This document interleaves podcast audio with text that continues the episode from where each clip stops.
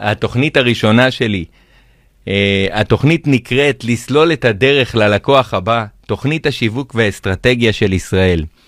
Uh, אנחנו הולכים לדבר על הנושא של כישלון, ואיך הכישלון יכול להיות מנוף, ונסתכל על כישלון מכל מיני היבטים מבחינה שיווקית. זאת אומרת, כישלון, מה המקור שלו, מה המנוף שלו, איך הוא יכול למנף אותנו. תמיד מזכיר לי את, ה, את הקטע שאתם uh, מסיימים, אתם מכירים את זה שאתם לומדים נהיגה?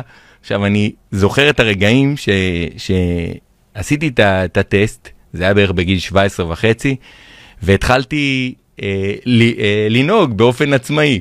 והדבר המדהים שקורה זה שאתה כל הזמן מתעסק בטכני. אתה בודק מה קורה עם המראות ומה קורה עם הדברים מאחורה, והמורה אמר לך לחשוב קדימה, לחשוב 17 צעדים קדימה, אז אתה כל הזמן חושב קדימה, איך אתה הולך לנהל את הנהיגה הזאת, וזה נהיה כאילו הדבר הכי מורכב. תחשבו, כולנו נוהגים היום ביום יום, זה דבר נורא נורא פשוט, אבל איכשהו בהתחלה כשאנחנו עושים משהו, זה נורא נורא מסובך. ואני חושב ש... Uh, בהתחלה, כל דבר שאנחנו עושים, כולל מה שאני עושה עכשיו, שאתם לא מבינים איזה מורכב, אני יושב פה לבד בתוך אולפן, וזאת חוויה באמת, כאילו, אתם יודעים, מה כבר יקרה? לא, לא, לא סוף העולם אם עכשיו אני, אתם יודעים, אני פתאום קולט שהמצלמה מכוונת למקום הלא נכון, ויש פה עוד מלא מלא מלא פאקים שאני עושה, אבל אתם יודעים משהו, אני באמת, מי שלא שמע את ההתחלה, אני רוצה להגיד לכם שביום רביעי יש פה תוכנית של חדי חזן, מישהי מקסימה, חברה יקרה, שיש לה תוכנית שמדברת על סליחה. ואפרופו סליחה, אני סולח לעצמי. מראש אני אומר לכם, אני מקבל את כל מה שקורה פה היום באהבה. זה לא, לא, לא שאתם יודעים, אני אשתפר, אני אסיק מסקנות, אחר כך אני אבין מה אני צריך לעשות, ובאתי לפה שעה וחצי יותר מוקדם להבין איך אני משתדרג. אבל אתם יודעים, יש דברים שאתם לא יודעים. אני כמו יום ראשון שנהגתי, אני זוכר איזה פחד, והדבר הכי מצחיק, מרוב שהייתי עסוק בטכני, אחרי שנסעתי פעם ראשונה, אני זוכר, נסעתי בפנייה ופניתי בנתיב, במקום להמשיך את הפנייה בנתיב השמאלי, פניתי את הפנייה בנתיב אחד ימינה. זאת אומרת, אתם מכירים את זה שאתם פונים לנתיב, אה, לא לנתיב שאתם צריכים, נתיב אחד ימי, כאילו אחד קדימה. ואז מה שקרה, עמד שוטר בפינה, נתן לי דוח. אז זאת הייתה הפתיחה שלי, אתם יודעים, זה הכי כיף שאתם עושים טעויות בהתחלה. ו- ואני באמת אומר, טעויות, טעויות זה מנוע. זה מנוע, זה כישלון, אתם יודעים, אני רואה את הכישלון הזה כ- כמנוע, ו- ואם לא, לא היינו נכשלים, שום דבר בחיים לא היה קורה לנו, אה, לא היינו לומדים מזה. תחשבו, אני כל הזמן אומר לבת שלי, אני אומר לה, אם את לא תיכשלי עכשיו ולא תעשי טעויות במבחן שתוציאי בו 40, או שת, או שתעשי איזה טעות במשהו שאת עושה, איך כשאת תגדלי את תעשי טעו, טעויות? הרי בחיים אנחנו לא יכולים לגדול מבלי לעשות טעויות. אנחנו בסוף לומדים מהדברים שאנחנו עושים, מהפאקים שאנחנו טועים, מהדברים שאנחנו לא יודעים לעשות אותם טוב.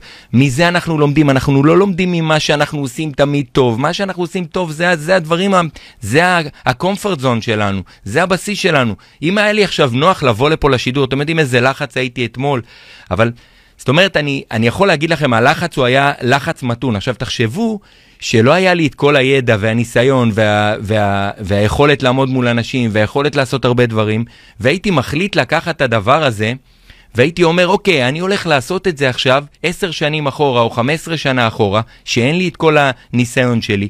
אז יכול להיות שבכלל לא הייתי מצליח לעמוד פה, הייתי מגיע לפה עם התקף לב, והיו צריכים לפנות אותי, וגם הסליחה עם חזי לא הייתה, עם חדי לא הייתה עוזרת לי, שהיא מגיבה לי בשידור בפייסבוק שאני משדר. אז אתם יודעים, זה מצחיק, אבל כאילו אנחנו צריכים לפעמים להתכונן ולהיות בחמלה על המסע שלנו. אתם יודעים, להיות בחמלה. ולהיות בחמלה זה אומר להבין שאנחנו אנושיים, לעשות טעויות זה הכי אנושי, וכל דבר שקרה באנושות נולד מזה שהייתה טעות. כל דבר טוב שקרה נולד מזה שהייתה טעות. מישהו ניסה לעשות משהו, לא הצליח.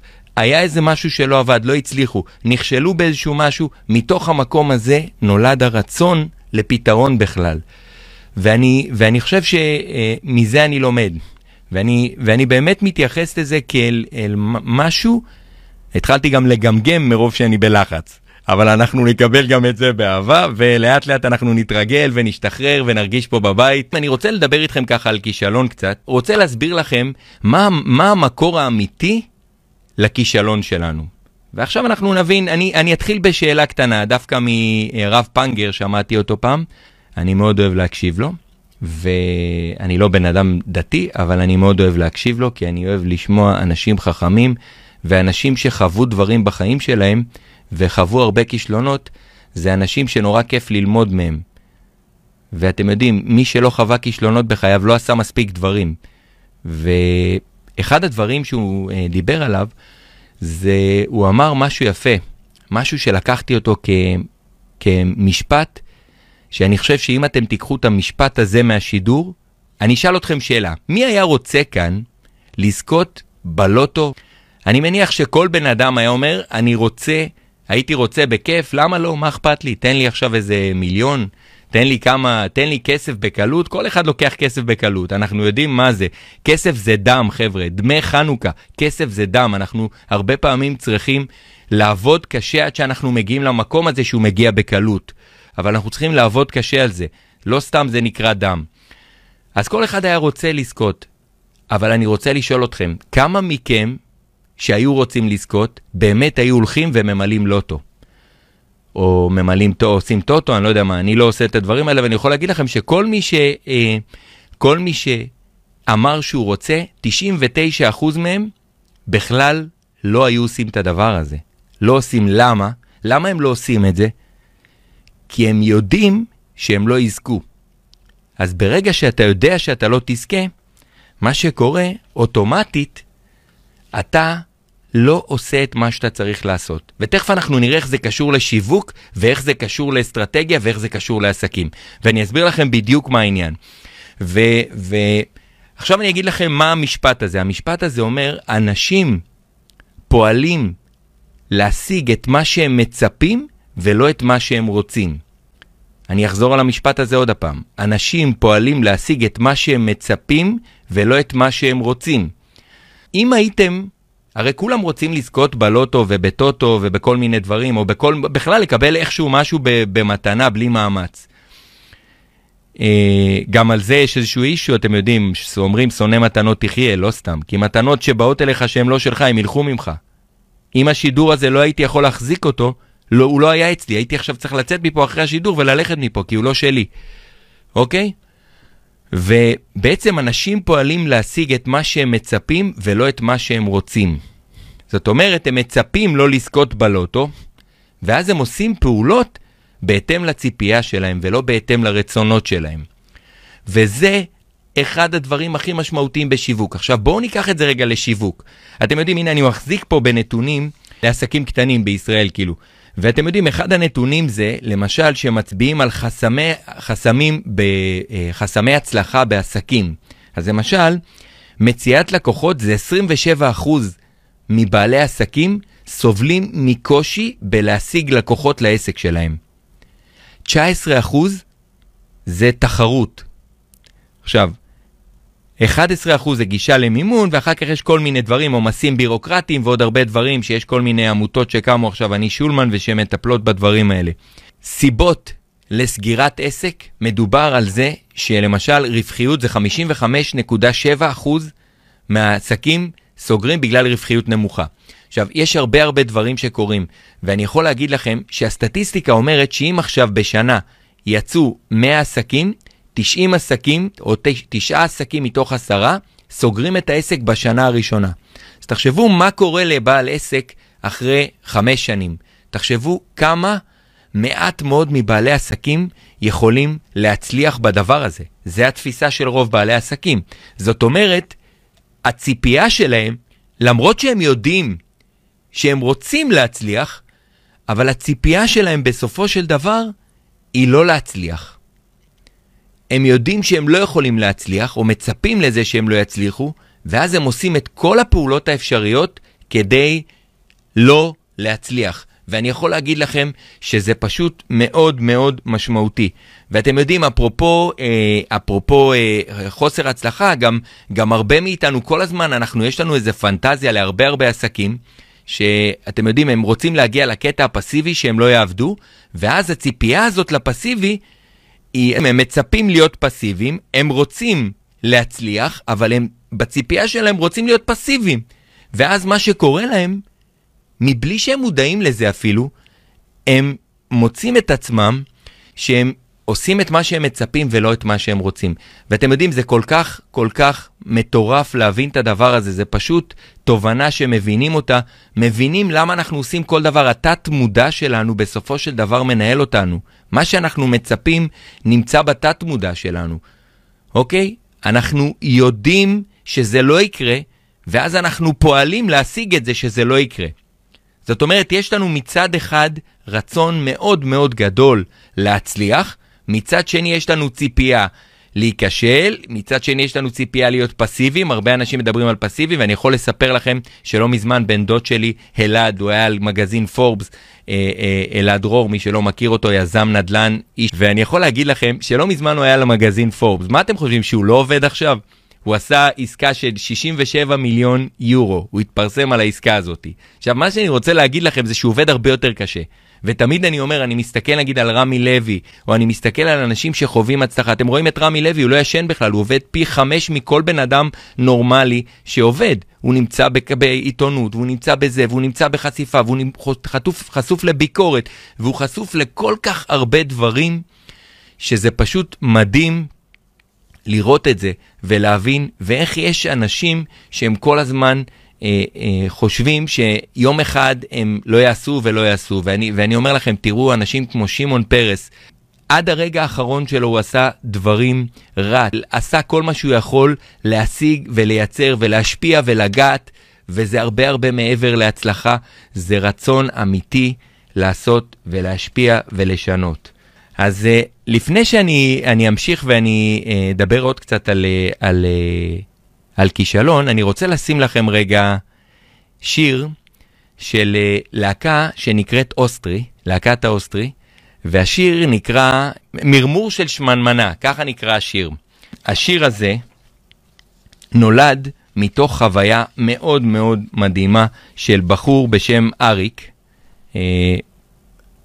אריק היה שוקל, היום הוא, היום הוא נראה כזה, אתם יודעים, חטוב, נראה טוב, ממש נראה חתיך, חבל על הזמן, שהוא היה אה, שמן, והוא הרגיש כל כך כלפי חוץ, הוא היה מה שנקרא סבבה ו fun וכיף, וכלפי פנים הוא הרגיש נורא אה, רע עם עצמו. מה שנקרא, הוא קרא לשיר מרמור של שמנמנה.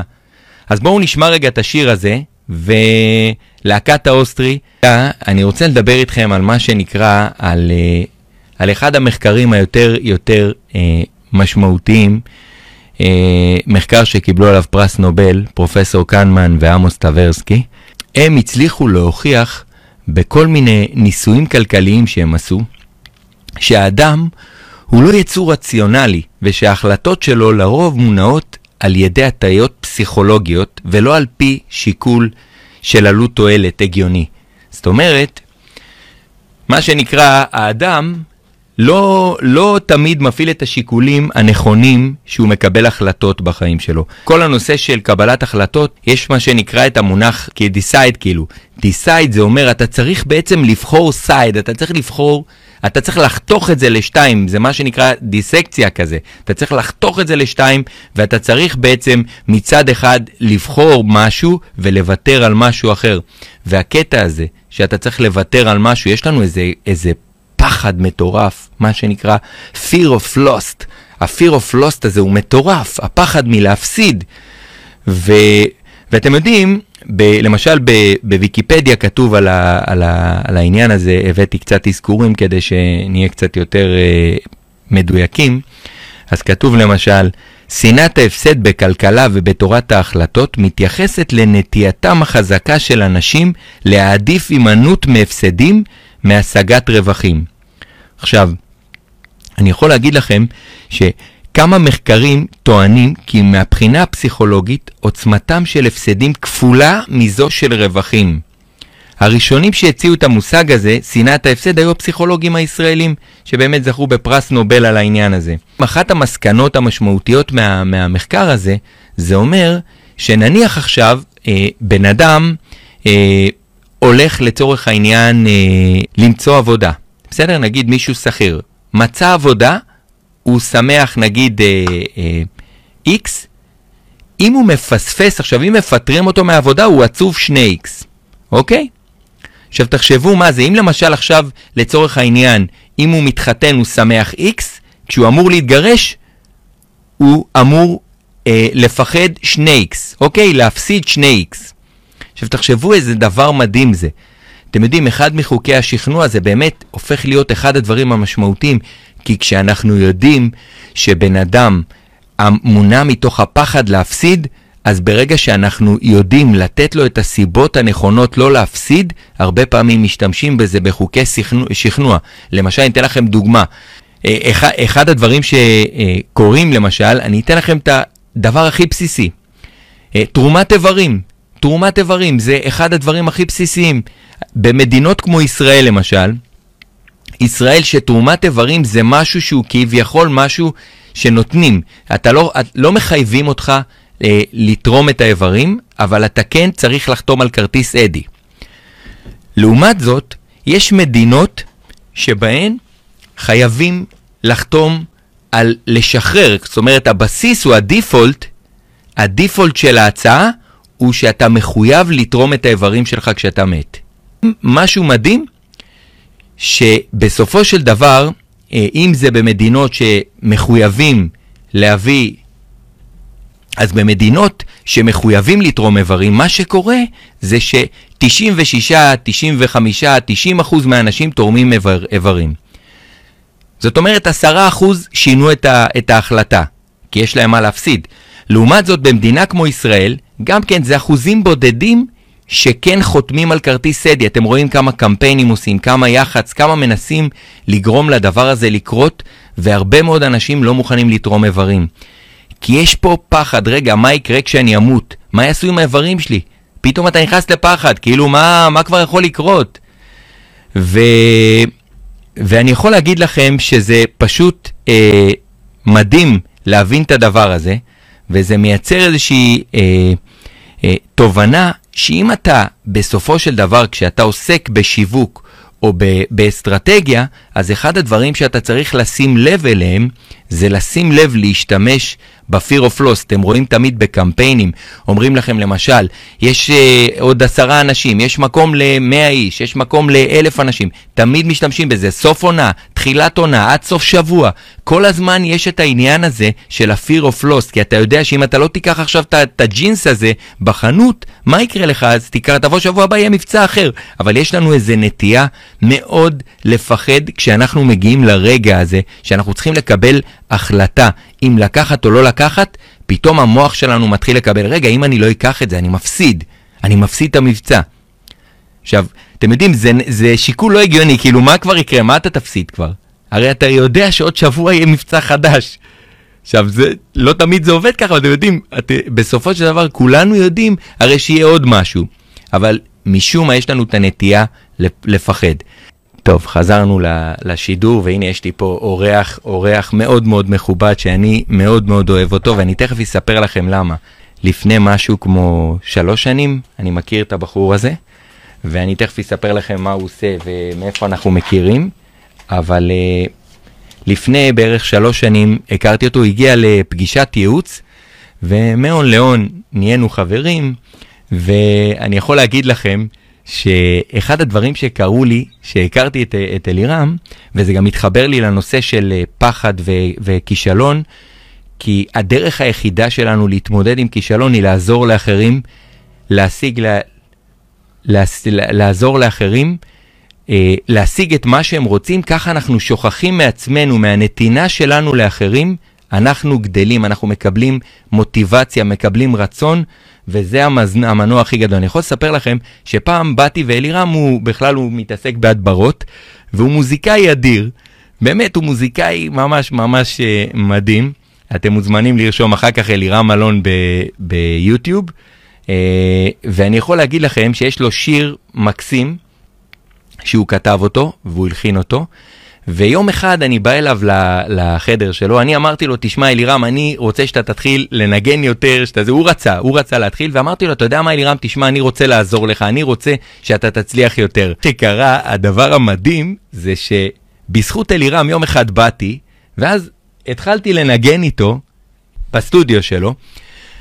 מהון להון, מה שקרה, הקלטנו את זה, הוא העלה את זה לפייסבוק, ואז ראו את זה כל מיני אנשים, ואז הזמינו אותי להופיע, ומאז הזמינו אותי להופיע עם כל כך הרבה אנשים, יש איזה קטע שלי ביוטיוב עם דניאל בן ארי המדהים, ו- ומפה לשם, בזכות אלירם אלון, אה, מלא מלא אנשים הזמינו אותי להופיע, ואני יכול להגיד לכם כל מיני סלבס, וזה נורא נורא כיף.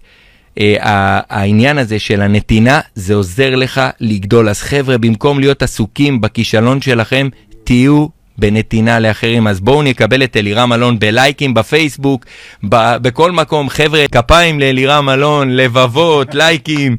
תודה רבה באמת, אה, ליאור. באמת, מאז שאני מכיר אותו, הרבה דברים ב- בהשקפה. למעשה אפשר להגיד שליאור הוא האח הגדול שלי, וכל מה שק... והמנטור, וכל מה שקשור ב... בשיווק, ו... ויש לו מאגר בלתי נדלה, לא נפסק הבאר הזאת של כל הרעיונות שהוא מביא כל פעם, מכל כיוון אפשרי. אז אה, כפיים לליאור. חבר'ה, אז בואו נקבל, נקבל את אלירם אלון בשיר שמש, אני...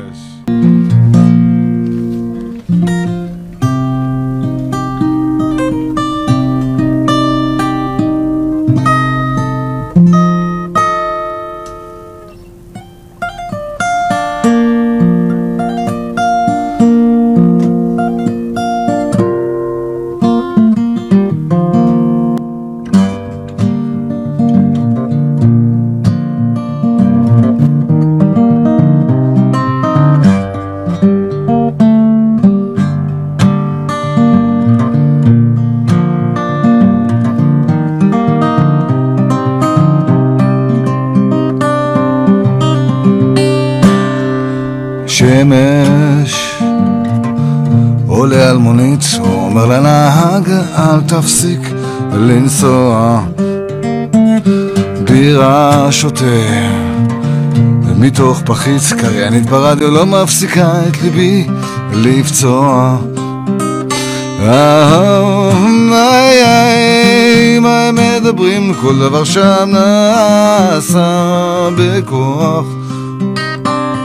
תן לי מנגינות, נגן עוד שירים את כל מה ששמענו שם, אני רוצה לשכוח.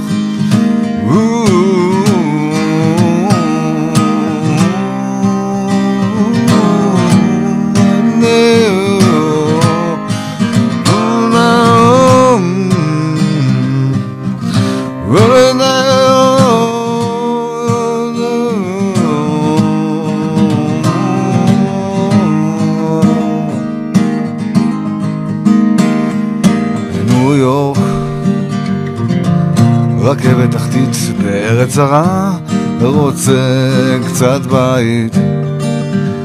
בברוקלין מסתובב לו תקליט משנת 1940 ועדיין ואיפה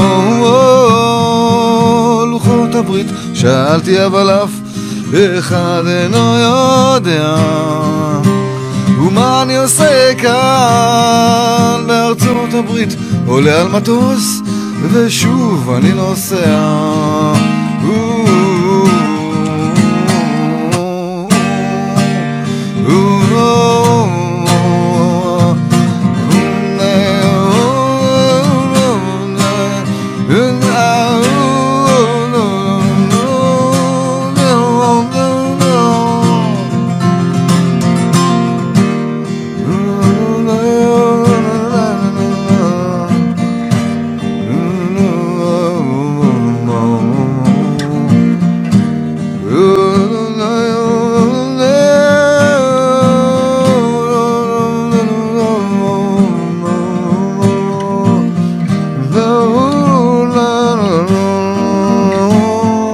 שמש מאחורי הרים תעלה ותזרח על ירושלים.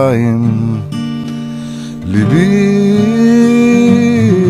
לא נשאר אדיש, דמעות הנפש רוצה להשתפך כמים